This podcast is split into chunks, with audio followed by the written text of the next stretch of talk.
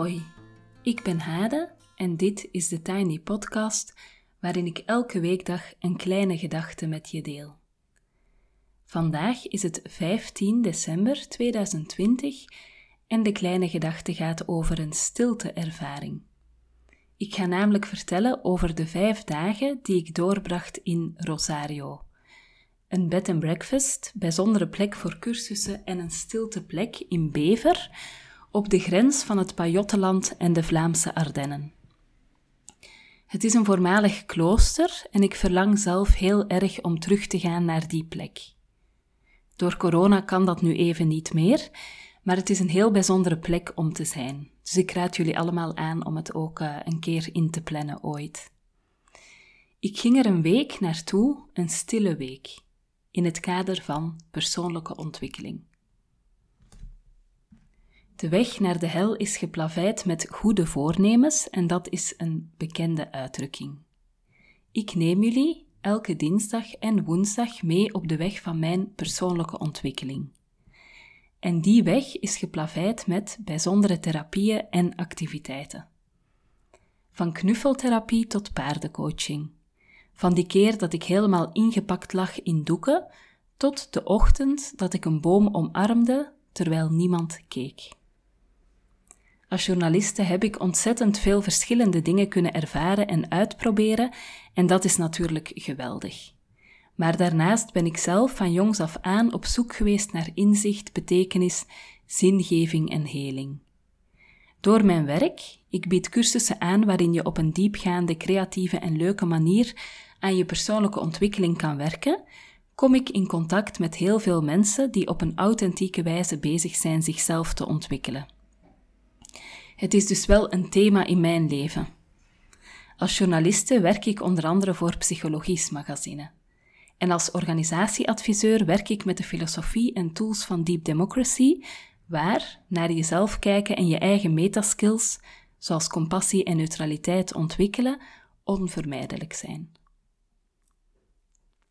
En nu neem ik jullie dus, dus mee naar um, een week, of ja, vijf dagen eigenlijk, um, een werkweek, waarin ik uh, man en kinderen achterliet om een week dus in stilte te zijn. Um, deze week speelde zich af in de lente, zelfs de overgang naar de zomer.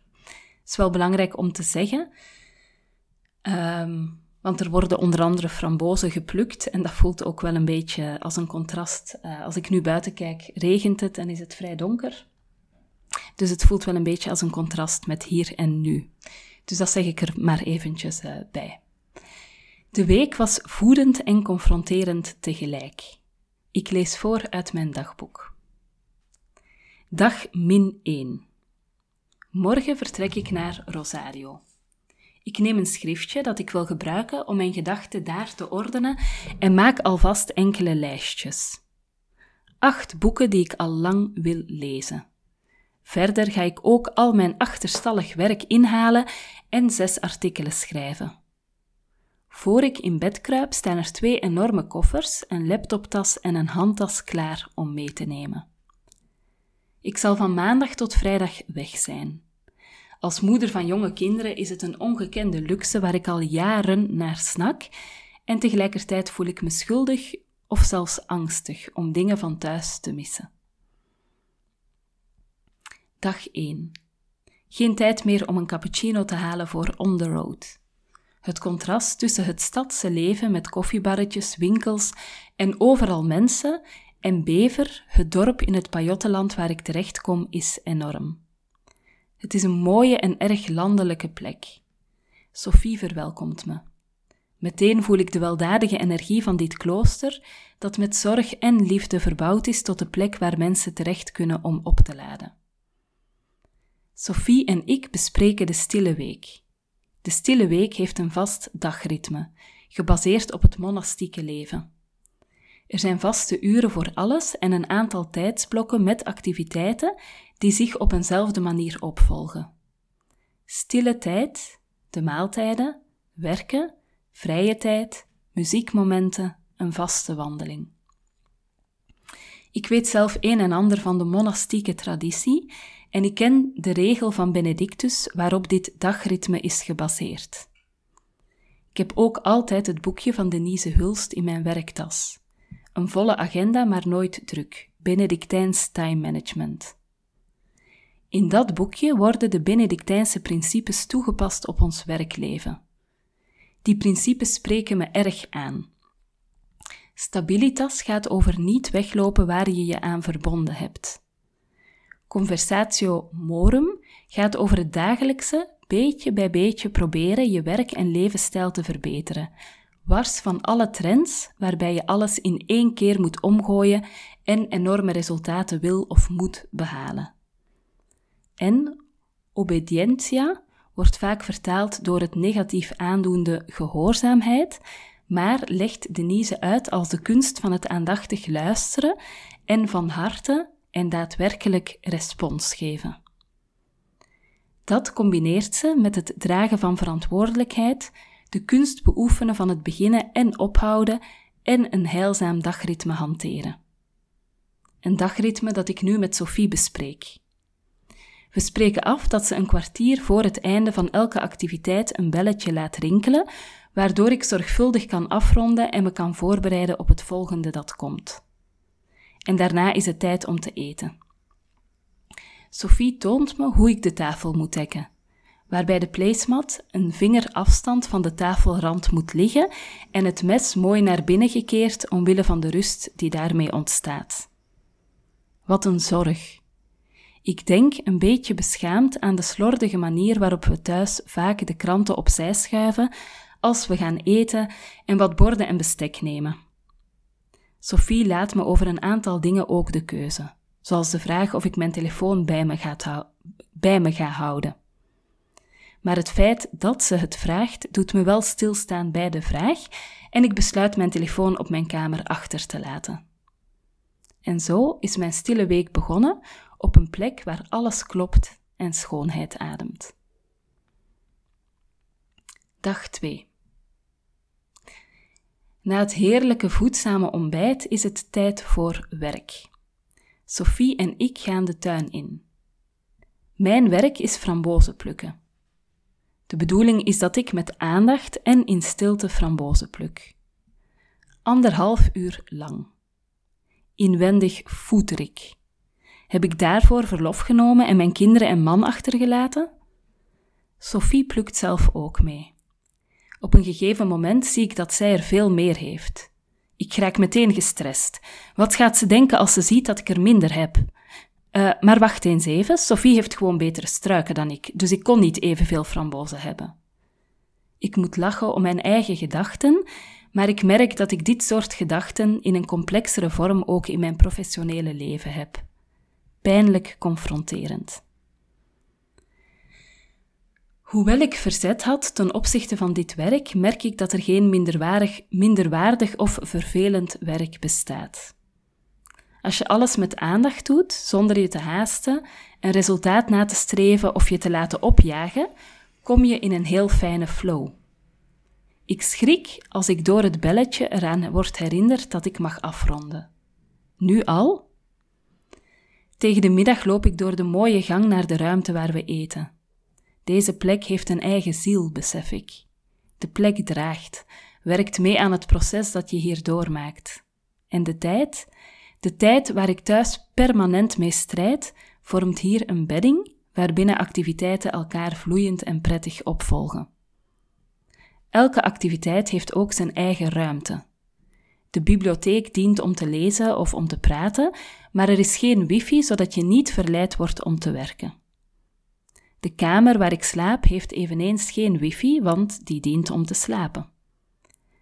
De stille ruimte herbergt de mogelijkheid in stilte te zijn. De lange houten eettafel is enkel om te eten en in gesprek te gaan, maar volgens afspraak laten we er geen mobieltjes op liggen. Ik merk dat het veel rust geeft als elke ruimte een eigen functie heeft en dat het heel veel comfort biedt als je elke plek gebruikt waarvoor ze bedoeld is. Verzet en overgave, verzet en overgave. Ze wisselen elkaar voortdurend af. Mij schikken naar een tijdschema dat me is opgelegd, is best moeilijk. Ik beschouw het immers als een verworvenheid dat ik autonoom kan werken, waar en wanneer ik wil, en dat ik mijn eigen agenda bepaal. Maar die vrijheid is ook een gevangenis geworden. Hoe vaak zit ik om zes uur s ochtends of elf uur s avonds nog aan mijn computer? In de dagelijkse wandeling manifesteert die beweging van verzet en overgave zich het sterkst. Elke dag dezelfde wandeling. Wie bedenkt het? Ik schommel tussen fascinatie voor wat ik zie onderweg, het graan op de velden, de schapen, een kapelletje en de verveling van het alleen wandelen. Op een bepaald moment kan ik een stuk afsnijden. Ik ben even in de vergleiding, maar zet dan de pas er weer in. Op het juiste pad. Zo, tot daar de eerste twee dagen van mijn stilte dagboek uit Rosario. En morgen volgt de rest. En voor nu heb ik nog drie dingen die ik graag wil vragen of delen. Mijn eerste vraag Um, voor de weken van kerst en nieuwjaar wil ik graag kerst- of nieuwjaarsbrieven van luisteraars of cursisten in de Tiny Podcast. Misschien wil jij terugblikken of vooruitkijken naar het nieuwe jaar. Dus terugblikken op het oude jaar of vooruitkijken naar het nieuwe jaar.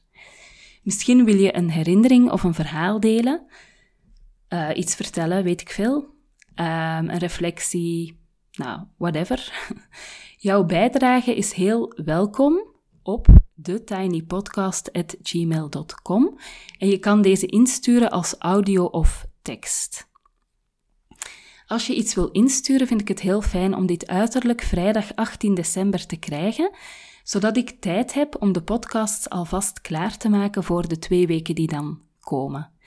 Dan kan ik alle podcasts voorbereiden, want dan kan ik zelf ook even vakantie nemen. En ik vind het heel fijn om uh, ja, ik heb al een paar heel mooie dingen toegestuurd gekregen en ik vind het heel fijn dat de podcast dan doorgaat en dat die mooie dingen dan uh, zo in die bijzondere weken toch wel van kerst en nieuwjaar, dat die dan voor jullie toch beschikbaar worden. Dan, in de eerste volledige week van januari, dus beginnend op 4 januari, is er een avondclubje over stoppen met pleasen. Elke dag doe je een opdracht online. Elke weekdag hebben we een meeting van 20.30 uur tot 21.30 uur op Zoom met een klein groepje andere deelnemers en onder mijn leiding. De link staat in de show notes en voel je heel welkom om deel te nemen en ik beloof dat je nu al in goed gezelschap bent. Als de stilte je raakt, en dat is dan het derde wat ik wou vertellen, kan je nog starten met het stilte-traject dat bestaat uit 24 keer een uur stilte. Je kan de stilte online beleven met tekst, beeld en audio of via een afgeschermde podcast die ik jou stuur. Daag jezelf uit elke dag een uur stilte te beleven en je in de stilte te laten bevragen, uitdagen en voeden door mij. Ik geef onder andere incheckvragen, reflecties, een citaat, een stukje uit mijn eigen stilte-logboek. Ook hier kan je in de show notes terecht voor een linkje. Tot zover de Tiny Podcast voor vandaag. Je kan me volgen op Instagram, TheTinyPodcast, en je helpt me door deze podcast wat sterretjes te geven op iTunes, een review achter te laten en of hem door te sturen aan iemand anders die er misschien ook graag naar luistert. Alvast dank je wel om te luisteren vandaag en heel graag tot morgen.